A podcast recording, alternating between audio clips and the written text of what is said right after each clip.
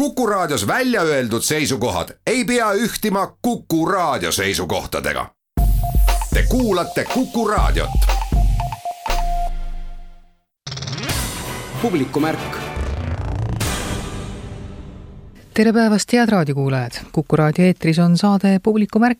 saatejuhiks on täna Liis Seljamaa. Curly Stringsil ilmus nädal tagasi täispikk stuudioalbum Pidu meis eneses. tegemist on topeltalbumiga, mille teine plaat ilmub sügisel. Pariisis giidina töötav Marina Laikjõe on kirjutanud raamatu pealkirjaga Kõige ilusamad jalutuskäigud Pariisis. selle lugemine võiks anda eelteadmisi ja aidata plaanida tulevast reisi Pariisi Corelli muusik jätkab kontsertidega juba järgmisel nädalal ning teeb ka Pai kampaania eelkummarduse eelmisel kevadel ära jäänud kirjandusfestival Head read toimub tänavu siiski, ehkki valitsevate piirangute tõttu lühiajalisemalt. saate kõige esimene intervjuu aga juhatab teatri juurde, kui järgmisest nädalast saab saalidesse lubada ka teatripubliku, siis minul on täna põhjust sünnipäeva puhul õnnitleda üht väikest teatriühendust üheteistkümnendal mail sai teatriühendus Misanseen kuueaastaseks. võib-olla ei ole põhjust veel hakata kaugele tagasi vaatama, aga ikkagi on äh, toodud välja juba rohkem lavastusi, kui ühe käe sõrmedel vist kokku lugeda saab, Helen Rekkor. see tegemine on olnud huvitav jah, ja tegemine on olnud tõesti äh, päris huvitav, eriti arvestades asjaolu, et kui me tookord lõime teatriühendus Misantseni, siis võis ju unistada ja loota, et ta kestab mõned aastadki ja loomulikult äh, luues uut organisatsiooni ikka kukud põlvili aeg-ajalt, aga et selles mõttes ma olen väga tänulik kõikidele Misantseni loojatele, et äh, vaatamata no tõesti erinevatele raskustele on äh, inimesed julgenud tulla, proovida sageli väga veidratesse Eestimaa paikadesse, loomaks äh, uut dramaturgiat, visuaalset teatrit.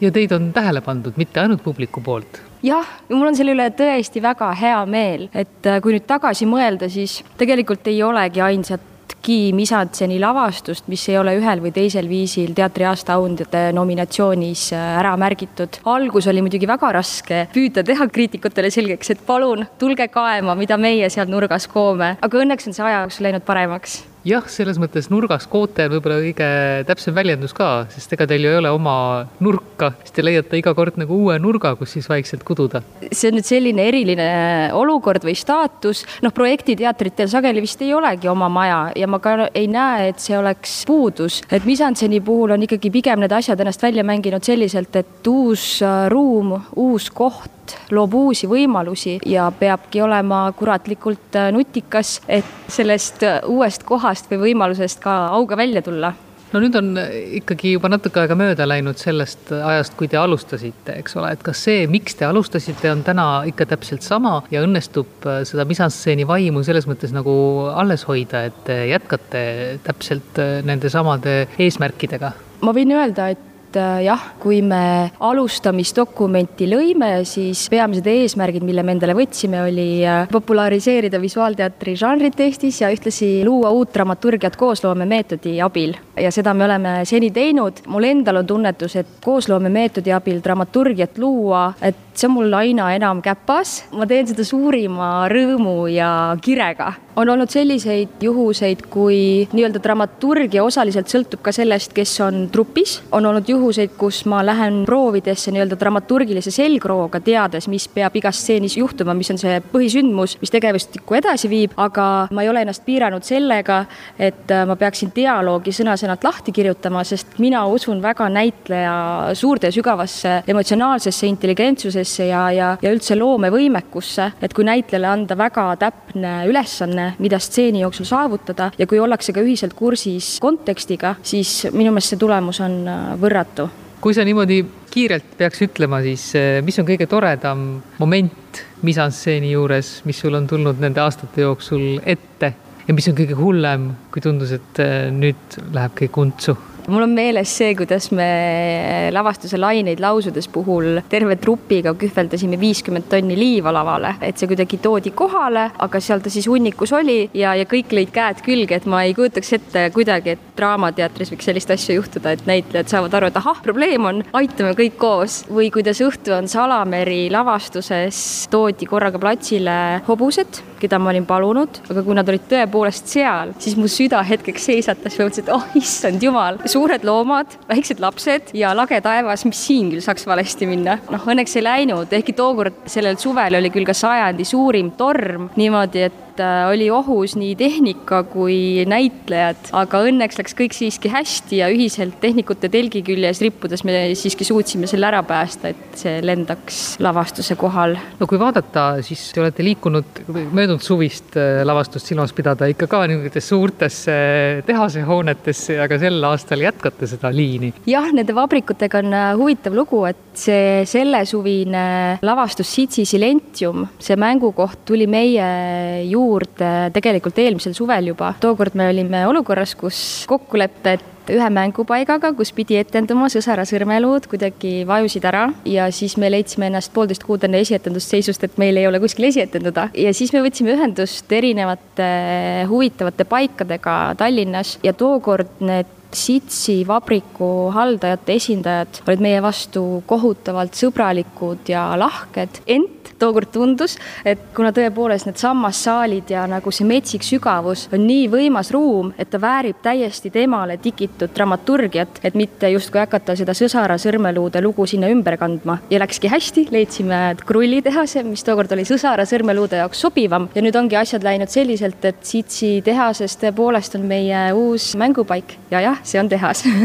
Ma kaldun arvama, et misanseni puhul on nii-öelda see oma kohata olek jah, ikkagi pigem mänginud meie kasuks ja loomulikult igasse uude keskkonda minnes, see keskkond ongi su põhiline mängupartner, lisaks dramaturgiale, lisaks näitlejatele, lisaks heliloojatele, koreograafidele. loomulikult sellise koha spetsiifika puhul tuleb siis selle ruumi või paiga kõiki iseärasusi arvestada ja seda nii-öelda enda heaks tööle osata panna. kui sellest Sitsi loost veel rääkida, mis sellel suvel tuleb, siis kui kaugel selle tegemine praegu on? Praegu on väga huvitavad ajad, käib ettevalmistusperiood. mina ja Mihkel Seeder dramaturgina oleme kaevunud ajaloodokumentidesse, on vormunud ka dramaturgiline selgroog ja loomulikult käib juba töö heliloojaga, koreograafiga, kunstnikega, lavakunstnikuga, kostüümikunstnikuga, videokunstnikuga, nii et äh, me täiel jõul äh, valmistame ette. aga põhimõtteliselt sellest tuleb üks lavastus, mis räägib elust ketrusvabrikus? jah, nii see on. Sitsi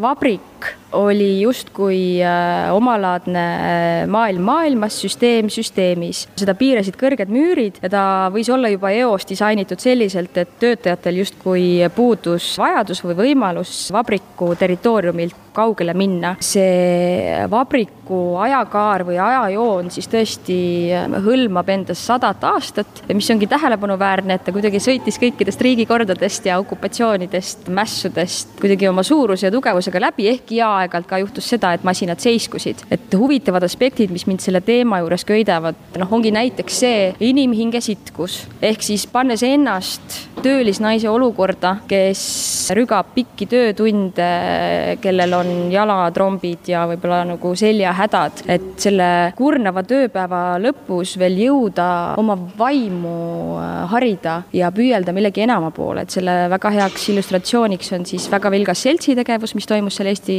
Esimese Vabariigi ajal ja ka selle eel, seal oli ju äh, haridusselts, kuhu kuulus ka näitering ja orkester, minu meelest see on muljetavaldav, et selline kodanikualgatuse rakukene seal tekkis. meie vaatleme seda maailma äh, läbi töölisnaise kogemuse.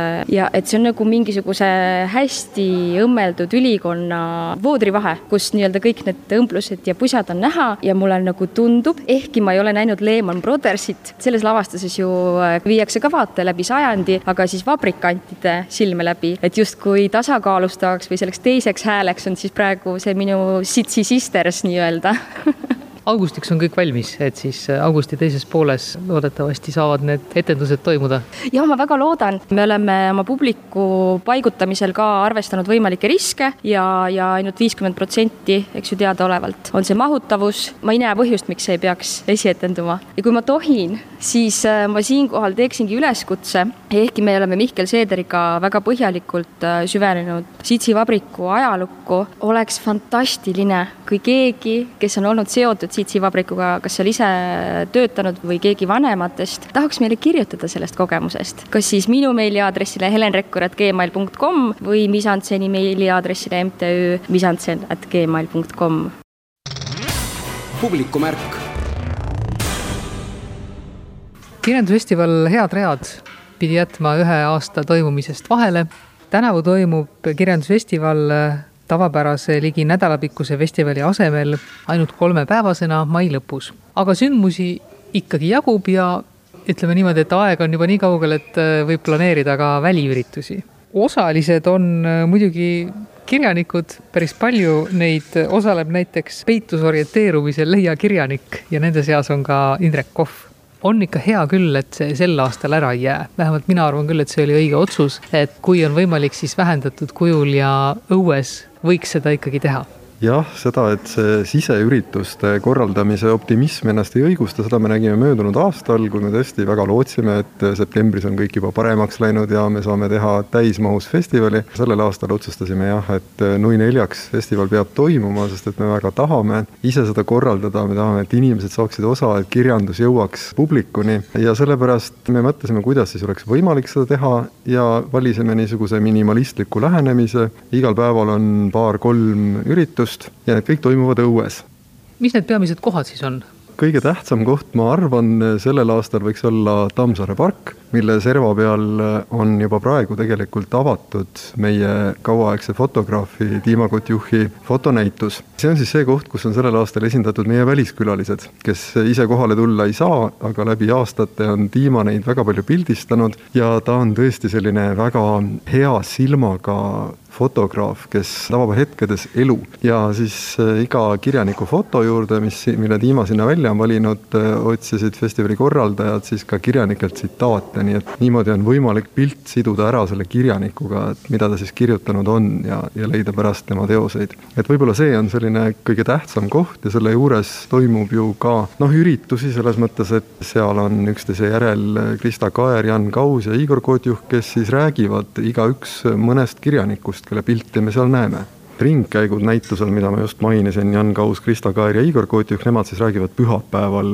kell neli, kell viis ja kell kuus. aga reedel jah, on põhjust minna Noblessnerisse, kus loevad luuletusi sellised põnevad inimesed, kes ei ole mitte sündinud eestlased, aga kellest on saanud Eesti luuletajad. Need on Adam Cullen ja Öivin Rangöi, üks ameeriklane, õieti Minnesotalane ja teine norralane ja oodata on ka üllatusesinejad, kelle nime ma ei ütle, aga kui ma ütlen, et tegemist on inimestega, kes on kolmekesi koos avaldanud ühe luulekogu, siis võivad kuulajad proovida ennustada, et kes see üllatuskülaline siis on.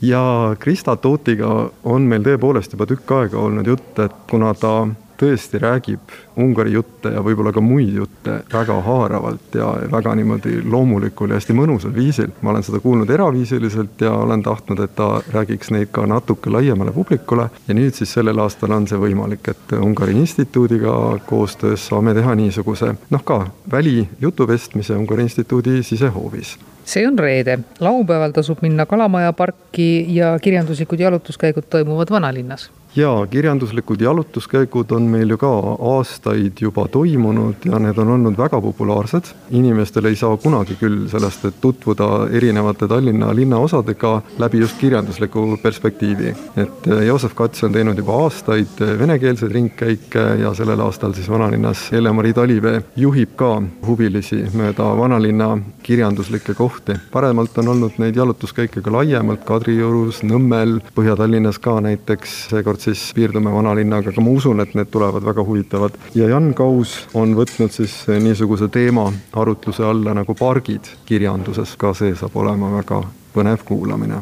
Pühapäeval toimub siis kirjanduslik peitus orienteerumine Leia kirjanik.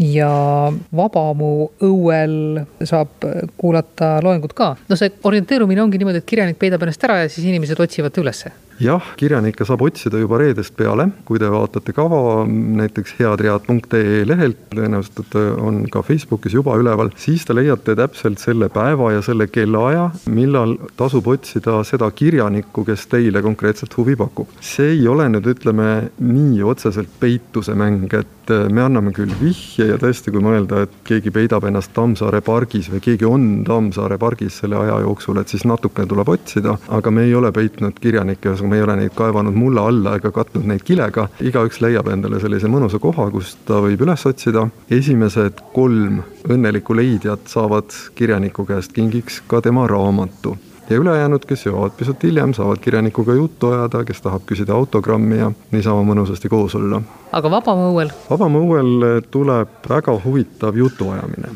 Eneken Laanese ja David Vseviovi vahel. see on siis ajaloo ja kirjanduse teemadel, noh ajalugu on Eesti kirjanduses ju tegelikult väga läbi kirjutatud valdkond, aga mulle tundub, et sellest ei saa kunagi küll. eks kõik rahvad mõtestavad oma ajalugu muuhulgas ka kirjanduses, aga meil on tõesti noh, meil on selliseid suuri klassikuid nagu Jaan Kross või Ene Mihkelson ja, ja palju-palju veel teisigi ja ka uuema aja kirjanikke, kes ikka ja jälle tulevad ajaloo juurde, kes siis lähema, kes kaugema ajaloo juurde ja nendest teemadest ma oletan, et näiteks sellest, kuidas ajalugu mõtestatakse kirjanduses ja kuidas seda on erinevalt tehtud ja mis üldse on see fenomen, et kuidas on võimalik, et ajalugu saab lõpmatult ümber kirjutada nii ajalooteaduses, ajalookirjanduses kui siis ka ilukirjanduses, et sellest räägivadki Eneken Laanes ja David Vseviov. Sellest on muidugi tuline kahju, et need huvitavad kirjutajad, kirjanikud, kes muidu kirjandusfestivalil head read ikka käivad ja kohtuvad kuulajatega, et nad praegu veel tulla ei saa, aga ma loodan, et nendegi huvi on ju tegelikult olemas, et kui ajad muutuvad, siis avanevad need võimalused uuesti oo oh jaa, me oleme väga optimistlikud ja, ja mul on eh, head Riadi sõpradele selles mõttes niisugune hea uudis, et Krista Kaer, kes on ju meie põhiline välisautoritega suhtleja olnud läbi aastate, on saanud juba mitmeid küsimusi selle kohta, et kuulge, kas järgmisel aastal festival ikka toimub. seekord ma tahaksin küll ikka kohe väga tulla, et mul on tunne, et need välisautorid, keda me oleme kutsunud ja kes nüüd ei saanud möödunud aastal meid külastada, ootavad kannatamatult ka, et see koroona ike ükskord juba lõdveneks ja et oleks võimalik võimalik kuhugi sõita, paljud neist on ka kuulnud sellest, et Tallinn on väga ilus linn ja et see festival siin on selline väga autoritesõbralik ja ka väga hea publikuga, et nad tõesti ootavad seda ja, ja meie samamoodi, et oleme kõik koos optimistid ja siis loodetavasti järgmisel aastal tuleb jälle selline nelja- või viiepäevane väga põhjaliku programmiga festival, kus on muuhulgas siis ka välismaa kirjanikke. Aga seekord siis nii, et ilmale vastavad riided selga, head jalutamis- ja jalanõud jalga ja kahekümne kaheksandast kolmekümnenda maini saab kirjandusfestivalist head read osa võtta ja kõik olete oodatud ja mina olen küll väga optimistlik selle koha pealt, et tõenäoliselt meid toetab muuhulgas ka ilmataat. publikumärk. Corelli muusik jätkab rõõmuga tegevust, alustades jõulufestivalilt mitu korda edasi lükkunud kontsertidega kirikupühad äh, Maarjamaal, nelipühakontserdid Pühade säras Maarjamaa saavad nüüd toimuma. Korelli muusikakunstiline juht Mail Sildos, publik igal juhul paistab neid kontserte ootavat. Mulle tundub küll, sest et detsembri lõpus ja jaanuari alguses jäid kontserdid ära, siis nad nihkusid vahepeal üks kontsert märtsi peale, teine aprilli alguse peale, ikka jäid ära ja nüüd nad siis lõpuks mai lõpus tulevad. aga eriti tagasi keegi ei ole tõttanud pileteid ostma või müüma, nii et sellest ma olen küll väga tänulik inimestele kava on siis see, mis sai juba kord selgeks õpitud? nii ta on jah, paar lugu me siiski vahetasime välja, sest seal olid hästi jõulused lood, aga põhimõtteliselt kirikupühad ja sellised rõõmsamad pühad, see rõõmusõnum on tegelikult kõikides nendes sees, nii selles, kui toimub ülestõusmine, kui toimub äh, nelipüha, kogu seda jõulu niisugust äh, rõõmu saab jagada ka teistel kirikupühade kontsertidel toimuvad need kontserdid siis kahekümne neljandal mail Tallinnas Jaani kirikus ja päev hiljem Tartu Jaani kirikus ja, ja esinevad Corelli barakkorkester muidugi, kes alati suurvormides on meil osalenud, ajastu pillidel mängiv orkester, meil on üks solist, sopran Pirjo Joonas, dirigent Martin Sildas siis juhatab seda kontserti ja meil on ettekandel hästi ilusad aariad, mis on põhiliselt on nad Messiast. Hendeli Messiast teavad ju kõik Kristuse sünnilugu, aga seda mängitakse väga tihti ka just ülestõusmispühade puhul, kuna see on niisugune see tohutu rõõm, et meil Kristus on olemas ja on elus, ta ei ole surnud, ta ei ole maha maetud. siis on veel üks Bachi väga ilus aaria ja orkestrilugusid kaks Corelli Concerto Grossot, meie nimi helilooja Arcangelo Corelli ja prantsuse muusikast Charpentier, üks selline suit, orkestrisüit hästi vaheldusrikas, hästi rõõmus peaks see kõik tulema. Ja need, kes plaanisid detsembri lõpus tulla, need oma piletitega saavad tulla? jah, kehtivad absoluutselt kõik piletid, mis on varem ostetud ja mis siis nüüd on ostetud. siit on hea minna kohe järgmise kontserdi juurde, mis pidi olema meil jõulufestivali lõppkontsert kolme kuningapäeval, kuuendal jaanuaril, mis lükkus sealt naistepäeva peale ja siis nüüd on siis lihtsalt kevadekontsert kolmekümnendal mail, selle pealkiri on Armastus ja esinevad seal Kadri Voorand ja Mihkel Mälgand Keila lossis Schloss Fall, kus ta oli mõeldudki. Ja vot selle kontserdiga on küll selline lugu, et see oli juba kuuendaks jaanuariks peaaegu et välja müüdud, aga see on uuesti välja müüdud juba päris pikka aega. Korelli muusik liitus aprillis ka pai kampaaniaga, et toetada siis õdesid ja hooldustöötajaid jah, mul oli hästi hea meel sellist asja näha. tegelikult see idee on niivõrd ilus, arstid loomulikult on nagu esirinnas alati, aga nemad on nähtaval. aga õed ja eriti hooldustöötajad, kes peavad arste aitama ja haigetega tegelema, ega nemad eriti välja ei paista. ja noh, seoses muidugi selle hirmsa koroonaga on kõik need inimesed ju tegelikult surmani väsinud kogume annetusi ja nende annetuste eest nad moodustavad sellised nii-öelda paikaardid ja kõik siis need ettevõtmised, mis on liitunud selle kampaaniaga, sinna võib minna. Ja kuna see kampaania algab esimesel juunil, siis eh, nüüd seesama kirikupühade kontsert, mis meil on tulemas, need mõlemad, no meil on seal alati sooduspiletite rivi, õpilased, pensionärid, puudega inimesed, õpetajad, kes need seal kõik on. Ja nüüd me lisasime sinna sooduspiletisse siis ka kõik tervishoiutöötajad, et noh, natukenegi siis pakkuda neile nagu leevendust ja kergendust, kui nad soovivad tulla kontserdile mainisid juba neid kontserte, mis on nüüd täitsa uued kontserdid, mis suvel tulevad, mis ei ole kuidagi edasi lükkunud, mõned neist on täitsa uued, aga mõned on juba traditsioonilised ka Corelli muusiku jaoks ja kontserdisarjad ja nii edasi kohe peale seda kolmekümnendat maid, viies ja kuues juuni, mis on nüüd lükkus edasi ühe kuu võrrast, me tahtsime teha emadepäevaks. selle kava on väga huvitav pealkiri, kus laulab lind, kus õitseb lill ja seal esitatakse keskaegseid lille, linnu ja armastuslaule. ja need kontserdikohad on ka väga toredad, üks on Ülenurme mõis, kus on põllumajandusmuuseum mängisime seal Eesti mõisate sarja kontserdi eelmine aasta, väga sümpaatne koht. Ja teine kontsert tuleb ka väga toredas kohas minu arust, kus eriti palju ju kontserte ei toimugi, see on Tallinna Botaanikaaia palmisaal.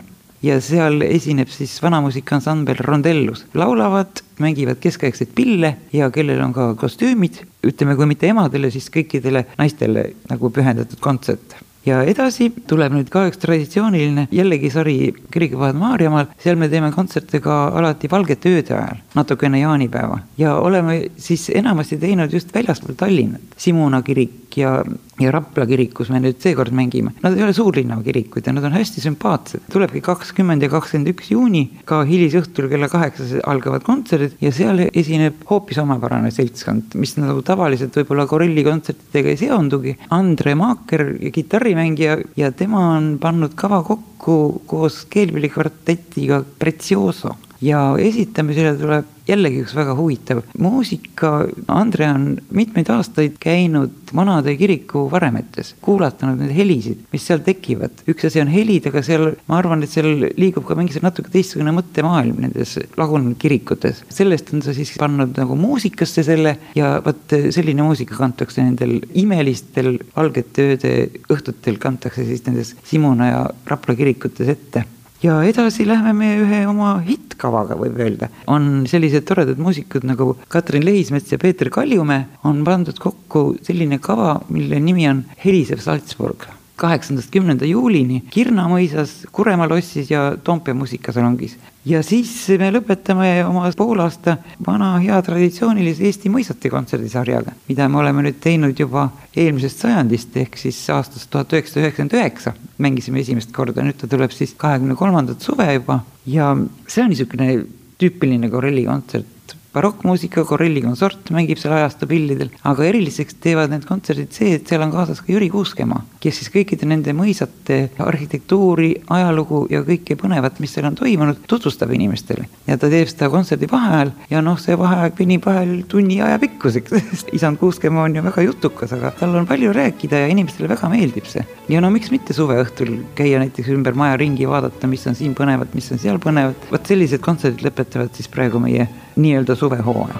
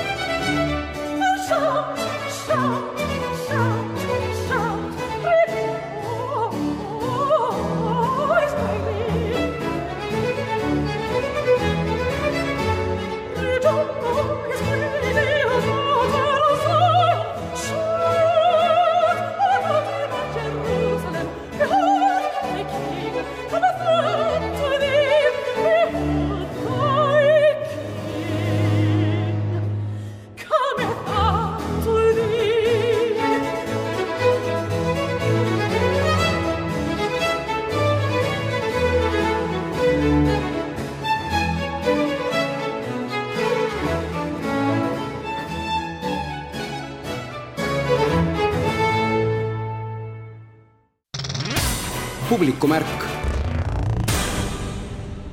kõik eestlased teavad seda, et enne kui Pariisis ära käia, tuleb käia nuustakul. mina olen selles mõttes teinud kõik õigesti, enne käinud nuustakul ja siis käinud Pariisis, aga praegu ajal, kui reisimisvõimalused on hirmus piiratud, siis üks ilus raamat kohast, kuhu tahaks reisida, võib natukene lohutust pakkuda. kõige ilusamad jalutuskäigud Pariisis on raamat mis on äh, sündinud eestlasest pariislanna käe all. Marina Laikjõe kogemus Pariisis ringi käies ja ka seda turistidele tutvustades on saanud kaante vahele ja paistab, et äh, siin kodumaal on selle vastu küll väga elav huvi, et raamatut loevad nii need, kes on Pariisis käinud, kui ka need, kes veel ei ole jõudnud sinna minna mulle on endalegi tulnud üllatusena see, et loevad nii noored kui vanad, minu enda tuttavate lapsed ja loevad huviga ja räägivad siis, et aga me käisime tädi Marinaga siin ja tunnevad ära neid kohti. see oligi tegelikult mõeldud raamatuks, mis inspireeriks inimesi minema ikkagi Pariisi, linna, kus eluaeg on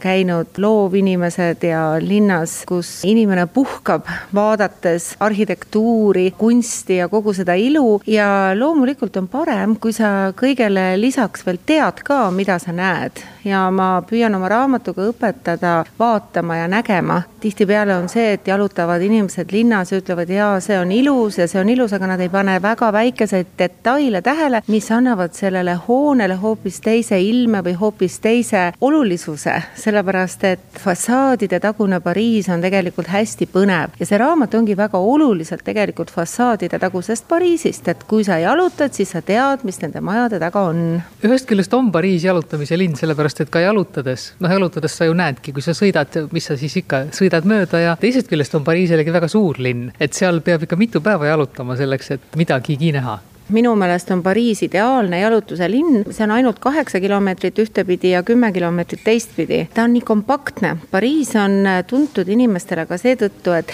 kui sa oled jõudnud just nagu mingi ühe vaatamisväärsuse juurde, siis sa pöörad nagu pilgu vasakule või paremale ja sa juba märkad järgmist vaatamisväärsust. ja siis sa näed, et oh, see ei olegi nii väga pikk maa ja lähed ja jälle selleni. Ja siis sa niimoodi kulged ühest vaatamisväärsusest teiseni, vahemaad on nagu parajad. Ja seetõttu mulle tundubki, et inimesed inimesed ei raatsi metroosse minna, kui sul ei ole just aja peale minekut ja kui sul ei ole just vaja kindlasti ühest linna otsast teise saada kiiresti, siis nauditaksegi seda, et autovabalt liikuda. väga paljud inimesed tellivad näiteks jalgrattaga ekskursioonid ja see on minu suur lemmik pühapäeva hommikuti, teha sellist jalgrattatuuri Pariisis ja meil on kõrvaklapid peas ja siis ei pea tegema väga palju neid pause, vaid me sõidamegi ja kõik kuulevad kõrvaklappidesse, mida ma räägin siis ühest või teisest kohast pärast, siis on linnatänavad tühjad ja meil on Pariisi linnapea praegu selline Anne Hidalgo, kes on otsustanud olulised tänavad, Rivoli näiteks, tehagi jalgratturitele sõitmiseks ja panna üle, üleüldine liiklus kinni, ainult taksod ja liinibussid võivad ka veel sõita. Pariis liigub selles suunas ja et jalgratturitel ja jalutajatel oleks seal mugav. Champs-Élysées on näiteks iga kuu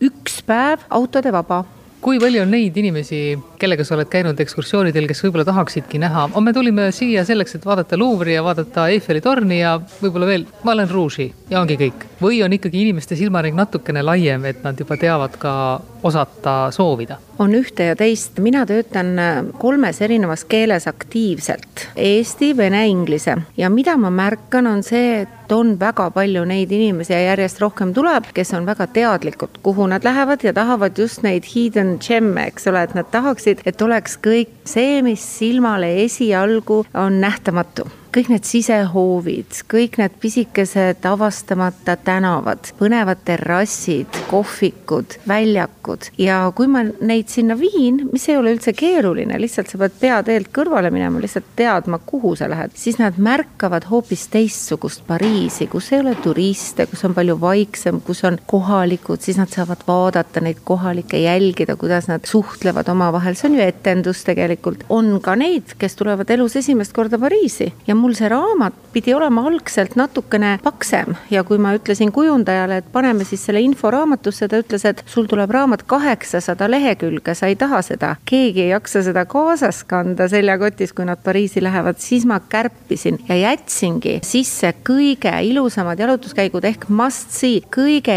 esimesed jalutuskäigud, mida inimesed peavad tegema, kui nad esimest korda lähevad Pariisi. on ka neid, kes ütlevad, et Louvre ja, ja Eiffeli torn ja triumfikaar, mille üle mul on väga hea meel, sellepärast et kui paljud on tegelikult käinud triumfikaare tipus, kui palju nad tegelikult teavad, miks ehitati triumfikaar, mis seal ümber on, kuidas toimus arhitektide võistlus omavahel, eks ole, triumfikaarel seistes ja näidates linna saab rääkida oluliseid asju inimestele, seal võib terve loengu maha pidada, sellepärast et seal on ju arhitektuuriline ansambel väga hästi näha, kogu selle uue Pariisi, üheksateistkümnenda sajandi Pariisi, eks ole. nii et mulle see väga meeldib ja Eiffeli torn, ma saan seal rääkida kõikidest maailma näitustest, näidata pilte ette, rääkida lugusid, see on palju-palju suurem teema tegelikult kui lihtsalt Eiffeli torn ja Eiffeli firma, kes seda ehitas, isegi Eiffel ei mõelnud seda muideks ise, eks ole, välja. seal on nii palju nüansse, inimestele see väga meeldib, Luuvrist ei ole üldse mõtet rääkidagi, sest väga paljud arvavad, et Luuvr on Mali näitussaal lihtsalt, eks ole, nagu Kumu, aga Luuvr on kuninga palee. üks ekskursioon on näiteks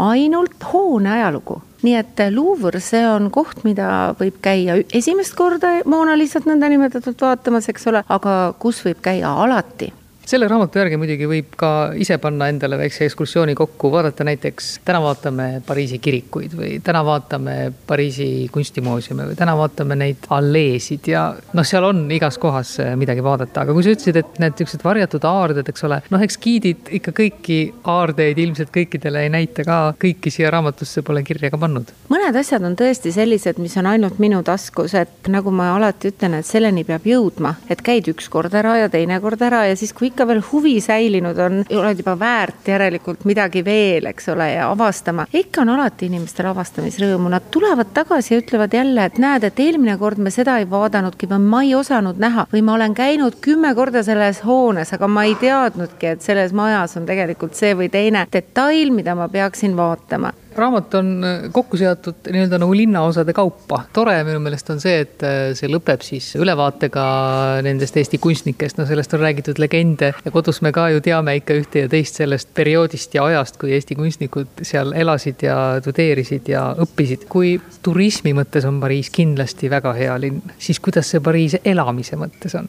No minule väga meeldib Pariisis elada just, et ühes linnas on peidus nii palju erinevaid iseloome või nii palju erinevaid linnu, võib nii ka öelda. kakskümmend linnaosa on Pariisis ja nad kõik on erinäolised. no sa võid elada väga vaeselt Pariisis, sul ei ole isegi söögilauda, eks ole, no tegelikult söögilauda ei ole paljudel, sellepärast et mis sa seal üksi ikka sööd oma väikeses seitsmeruuduses toas, eks ole, sellest, et tudengid elavad ju vanades teenijatubades, pisikesed katusealused kambrid, mõnest on väga ilus vaade muideks Pariisi katustele või Eiffeli tornile, aga elavad nad tänavatel. kohviku terrassil sa võid võtta ühe tee või ühe kohvi ja istuda sellega õhtuni, kui sa soovid. sul ei ole suurt elamist, kus oma sõpradega kohtuda. kohtutakse ikka, kas siis jõe ääres, parkides, tehakse väga palju piknikke, Pariis on väga roheline linn, käiakse kohtumas just nimelt Bütšomoonil näiteks, Tuilerii aias, Luksemburi aed, kõigi lemmik, eks ole. Pariis ongi selline linn, kus tehakse tehakse tööd, kohtutakse sõpradega, elatakse vastavalt võimetele. Ja seal on ikka väga-väga-väga tore saada seda suurlinna kogemust. Ja kui sa oskad prantsuse keelt, siis saad seda veel topelt, sellepärast et pariislastega rääkimine on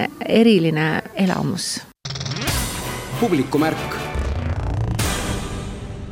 Girly Stringsi täispikk stuudioalbum Pidu meis eneses on juba nädal aega olnud kõikidele fännidele kättesaadav. on olemas plaat, on võimalused voogedastuskeskkonnas, nii nagu üks moodne bänd tänapäeval teeb. kuigi moodne tänapäeval vist on see, et peaks ka vinüülplaat välja tulema. bändi koosseis on endine Eva Talsi, Villu Talsi, Jaan Jaago ja Taavet Niller ja kuna meil on äh, tegemist ikkagi topeltalbumi esimese poolega, siis me laseme kõigepealt selle teise topeltalbumi osa ka sügisel välja ja siis tervikteose vinüüli kujul siis presenteerime veel natuke aega pärast seda.